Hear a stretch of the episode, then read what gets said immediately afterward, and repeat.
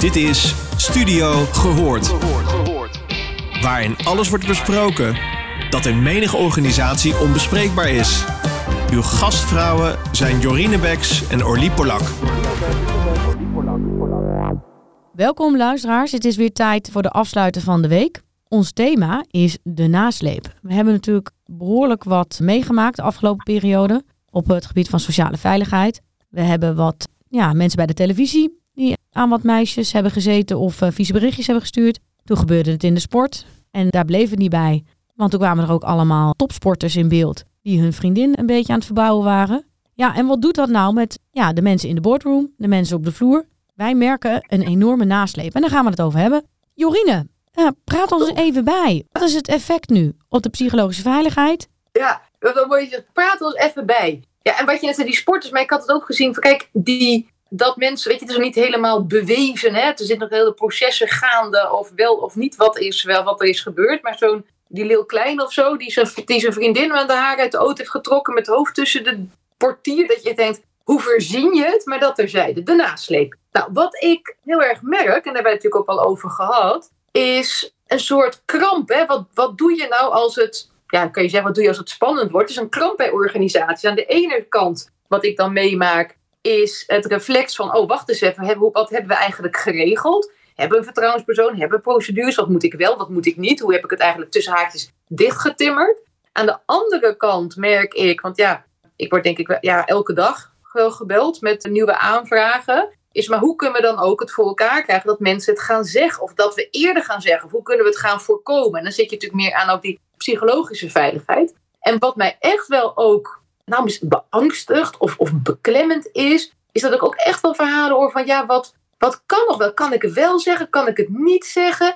En dat mensen ook denken, ja, ook met name vanuit mannen, hè, en dat vind ik ook best wel ingewikkeld, van uh, ja, wat, wat kan nog wel? Die kramp. En op zich is dat natuurlijk ook weer niet gek dat dat ontstaat, maar ik vind het wel jammer. In die zin het is natuurlijk nooit goed als je in de kramp zit. Dat helpt natuurlijk ook niks met, niet bij. Het levert geen positieve bijdrage aan een beetje aan ontspannen samenwerken. Het probleem is, flirten is hartstikke leuk. Dat vind ik leuk, dat vind jij leuk, dat vinden alle vrouwen leuk. Maar er is een verschil tussen flirten en ongewenste omgangsvormen. En het probleem zit hem volgens mij in de rank. Wij zijn zelfstandig ondernemer. Wij hebben altijd, als wij met iemand aan tafel zitten, een gelijkwaardige relatie. Maar op het moment dat een organisatie is wat heel hiërarchisch is, en jij bungelt ergens onderaan, je noemt even de voedselketen, niemand beledigd zijn, en jouw baas zet jou eigenlijk voor het blok, dan heb je een probleem. Dan heb je eigenlijk iemand in jouw bedrijf nodig die dat geregeld heeft. En ik bedoel met geregeld, ik sprak deze week met een vertrouwenspersoon. En die zei, ja Orly, hartstikke leuk al die podcast, ik werk er graag aan mee, dus ik kom wel langs. Maar je gaat het niet hiermee oplossen. Ik zeg maar, als we nou eens gewoon anders kijken naar onze mensen.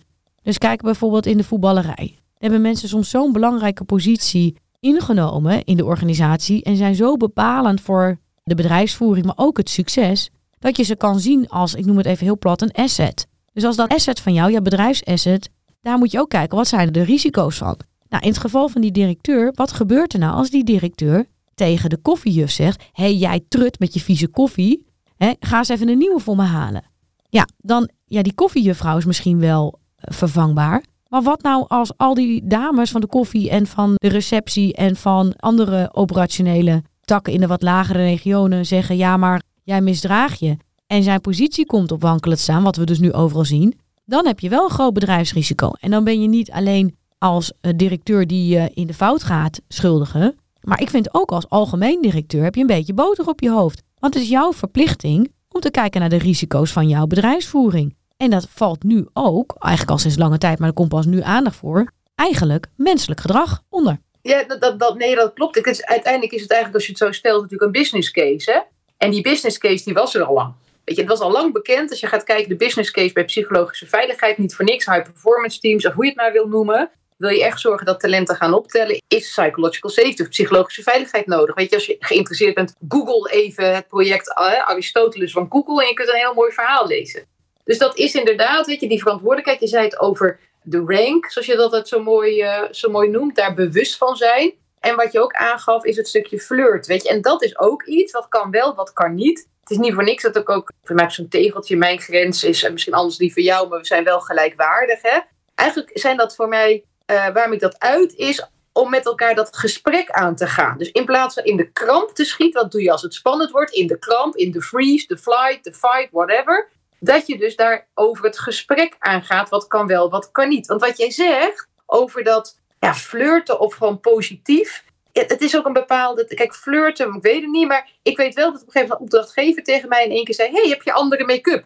En dat is inmiddels, uh, nou, een jaar geleden, ik weet het nog steeds. Ik vond het eigenlijk wel leuk, want hij vond ook dat het leuk stond. Dus dan vond ik het ook wel plezierig. Is dat flirten, ja of nee? Ik weet niet. Ik, zou, ik zie hem binnenkort. Ik zal eens even aan hem vragen of hij dat nu nog steeds ook zou durven zeggen tegen mij. Hè? Of dat daar een bepaalde, bepaalde rem op zit. Maar als je dan gaat kijken, ja, weet je, de rank is van belang, maar ook de gewone, normale. Ja, weet je, wat we eerder hebben gezegd, die sociale vaardigheden. Als ik hier thuis ben of ik ben bij jou en ik denk, hé, hey, die thee vind ik een beetje lauw of de koffie is wat mee, dan zeg ik niet tegen, hé, hey, trut, regel, regel even iets anders. Dat komt, ja, dat komt niet in mijn hoofd op. Dus volgens mij zit daar een bepaalde, gewoon de normale omgangsvormen. En daarbij, als je dan zegt, oké, de verantwoordelijkheid, risicobedrijf, ja, die, die hoort er wel bij. Maar ik, ik merk aan mezelf dat ik wel eens zoiets heb van, ja, als je zo over de streep gaat, misschien heb je dat dan wel nodig. Misschien is het wel zo bij bepaalde type mensen dat als ze zich dus bewust zijn dat als zij over een streep gaat, dat het niet alleen gaat over dat grensoverschrijdende gedrag waar hij of zij misschien wel een kick van krijgt, geen idee waarom hij dat doet, maar dat er dus ook wel een heel stuk verantwoordelijkheid zit op de business. Misschien dat dat wel een trigger is als je er zo over hebt. Dat je denkt, oké, als je het niet om het ene doet, doe je het andere. En dat lijkt ook weer op dat hele stuk van psychologische en sociale veiligheid. Doe je het niet omdat je het fijn vindt als mensen plezierig kunnen samenwerken. Doe het dan omdat er een business case onder zit. Bedoel je het een beetje zo? Nee, eigenlijk bedoel ik het over bystanders. Want we hebben het ook al vaker gehad over bystanders dilemma. Kijk, je zult altijd mensen hebben die zich misdragen. Mijn kind kwam uh, gisteren thuis en die liet een filmpje zien van een vriendje van zijn school. Daar ontstaat een vechtpartij in de gymlokaal.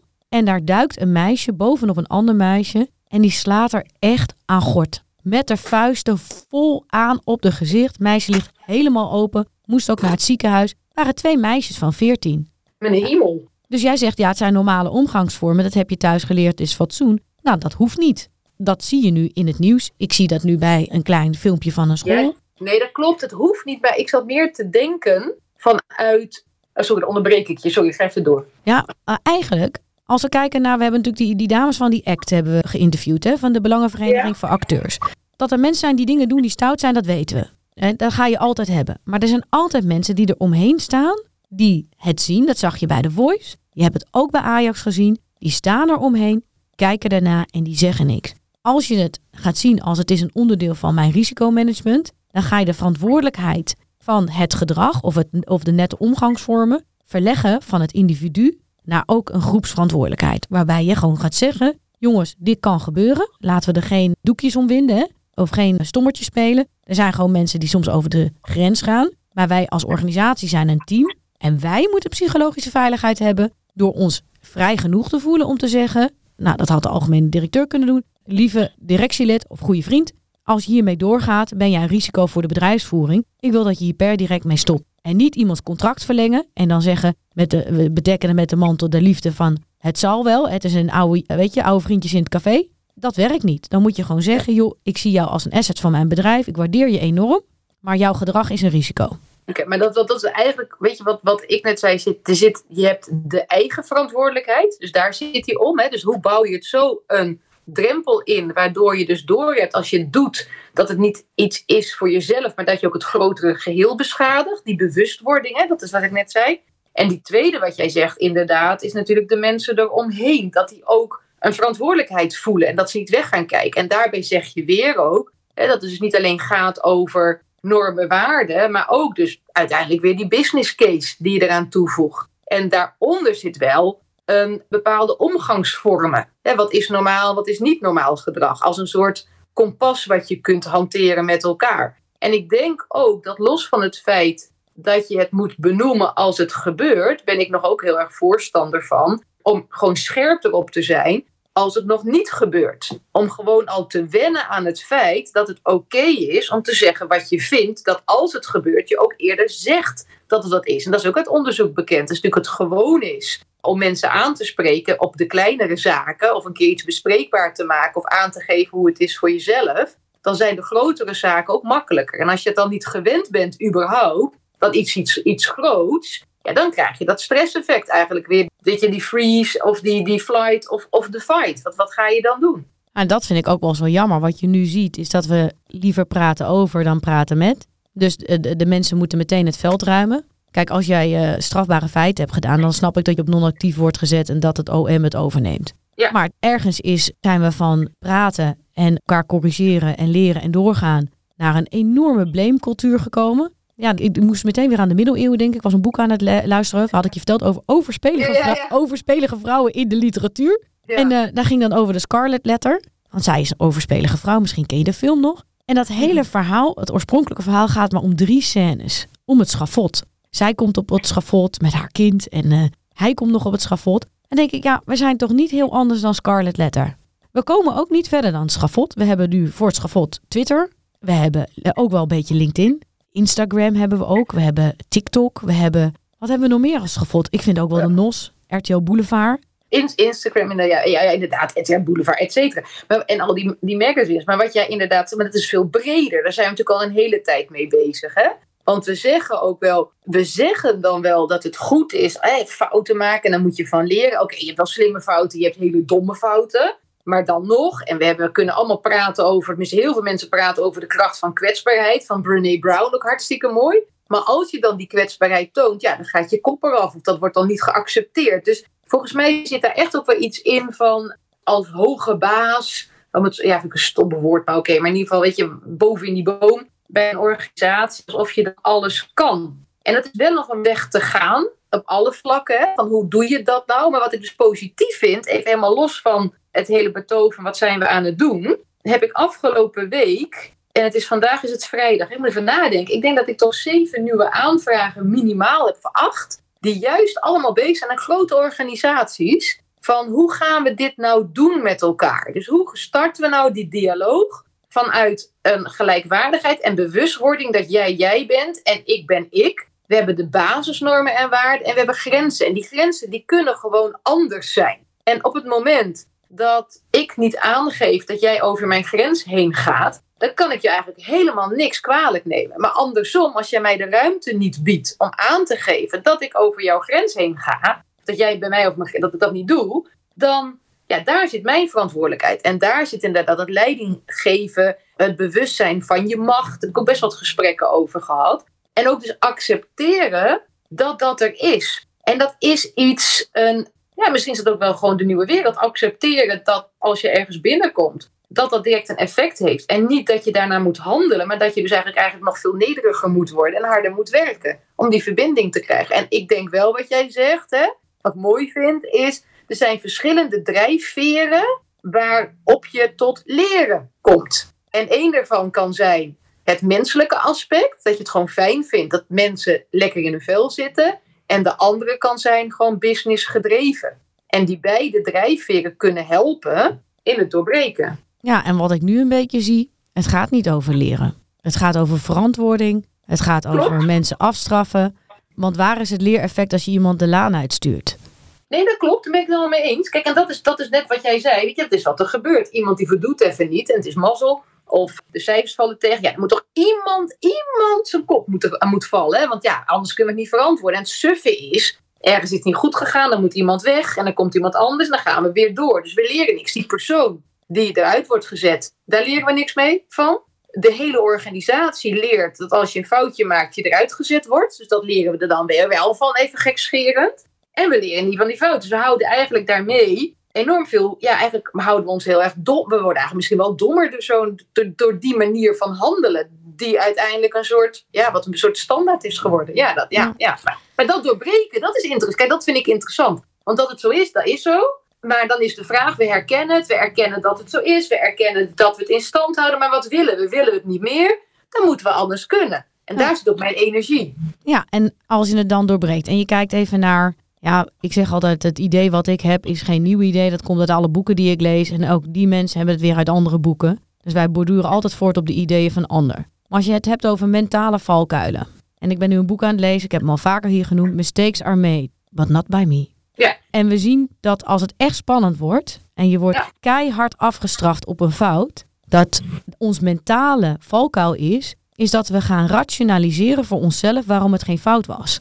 Omdat we kunnen ten eerste niet met die twee dissonanties leven. Hè. In ons hoofd krijgen we een soort kortsluiting van... hé, hey, ik heb een fout, maar ik verwacht iets anders van mezelf. Oh my god, dit matcht niet met elkaar. Nu moet ik het gaan rechtbreien in mijn hoofd. Maar dat wordt alleen maar erger op het moment dat die druk van die fout erger wordt. Dus als daar veel meer een afstrafcultuur hebt... want jij vraagt aan mij, hoe gaan we dit oplossen? Nou, we gaan het in ieder geval oplossen door te stoppen met de schuldvraag. Stoppen met mensen volledig afstraffen, maar mensen ook het leereffect geven. En ook mensen de kans geven om te leren. En misschien ook ons bewust te zijn van die mentale valkuil. Dat je als je eenmaal een fout hebt gemaakt, dat het heel lastig is om die onder ogen te zien. En dat de meeste mensen het voor zichzelf wegrationaliseren. Kijk, dat was, zeg maar, het was meer een soort algemene vraag. Weet je, hoe, dat, dat je als organisatie gaat kijken, als we het niet willen, wat moeten we daarvoor kunnen?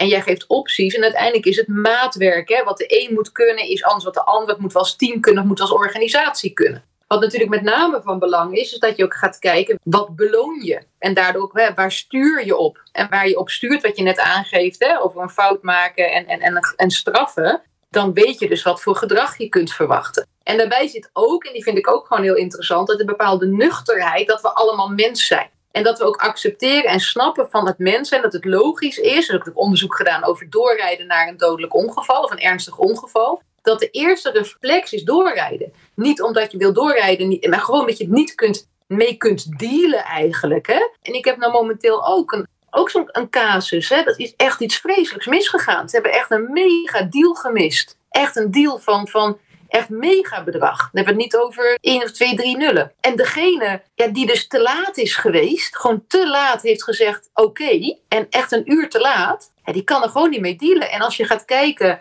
wat de rol is van diegene in de organisatie, ja, die zit dus ook helemaal, in, in, helemaal erbovenin. En het eerste reflex is gewoon zeggen, joh maar hebben Pietje en Jantje of Marietje, wij hebben die een fout, dat is eerste reflex, hebben die en die niet hun goed werk gedaan. In plaats van accepteren dat diegene zelf te laat het heeft doorgegeven. En het heeft een mega effect op die organisatie. Niet alleen qua omzet, maar ook qua werkvolume. En dat, dat zijn natuurlijk dat zijn heftige dingen. Van hoe doe je dat dan? Hoe leer je daarvan? Hoe zorg je ook voor een stukje barmhartigheid voor jezelf?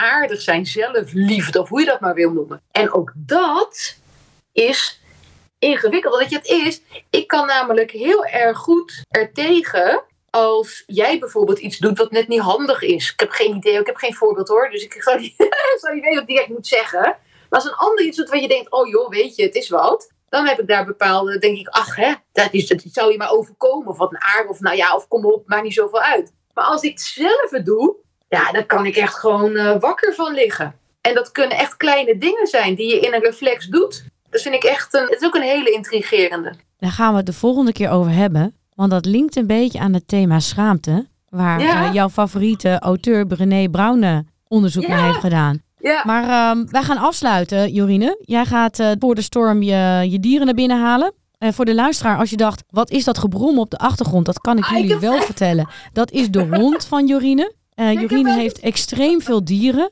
Ik krijg alle foto's altijd te zien. De geit hebben jullie vorige week al gehoord. Maar ik moest corrigeren dat de paarden niet hier staan, maar wel de pony. En dat er ook nog hamsters, cavia's, ik weet niet, en vogels zijn. Maar de hond heb je nu in de achtergrond gehoord. Jorine, ga je nog wat leuks doen dit weekend? Nou, ja, weet je, nu we het toch over dieren hebben, even een oproepje. Wil iemand heel graag guppies? Want wij hebben babyguppies. Nou, we hebben zitten tellen. Ik wist niet, het lijken wel muizen, joh, die guppies. Dus mocht je denken, ja, guppy, hartstikke leuke kleurtjes. Alle mogelijke kleuren van staartjes. Ze worden zindelijk afgeleverd. dus, eh, nou, ik ga dus eh, guppies eh, verzorgen. En voor de rest, oh, ik ga naar de film. Ja, ik ook, kan weer. Naar de grote rode hond. Ja, daar Ja. ga ik gewoon naartoe. Mooi. En En jij? ik ga schuilen voor de storm. En ik ga me opsluiten met wat, wat boeken. Oh ja, jij gaat naar het boeken, ja. En, en Ja. dan hoor ik heel graag weer wat je hebt gelezen. Ja, Mooie heel goed. Goed Oké, weekend. fijn weekend. Hoi. Hoi. Je luisterde naar Studio Gehoord. Vond je dit een leuke podcast? Laat dan een review achter bij jouw favoriete podcastplatform. Tot de volgende!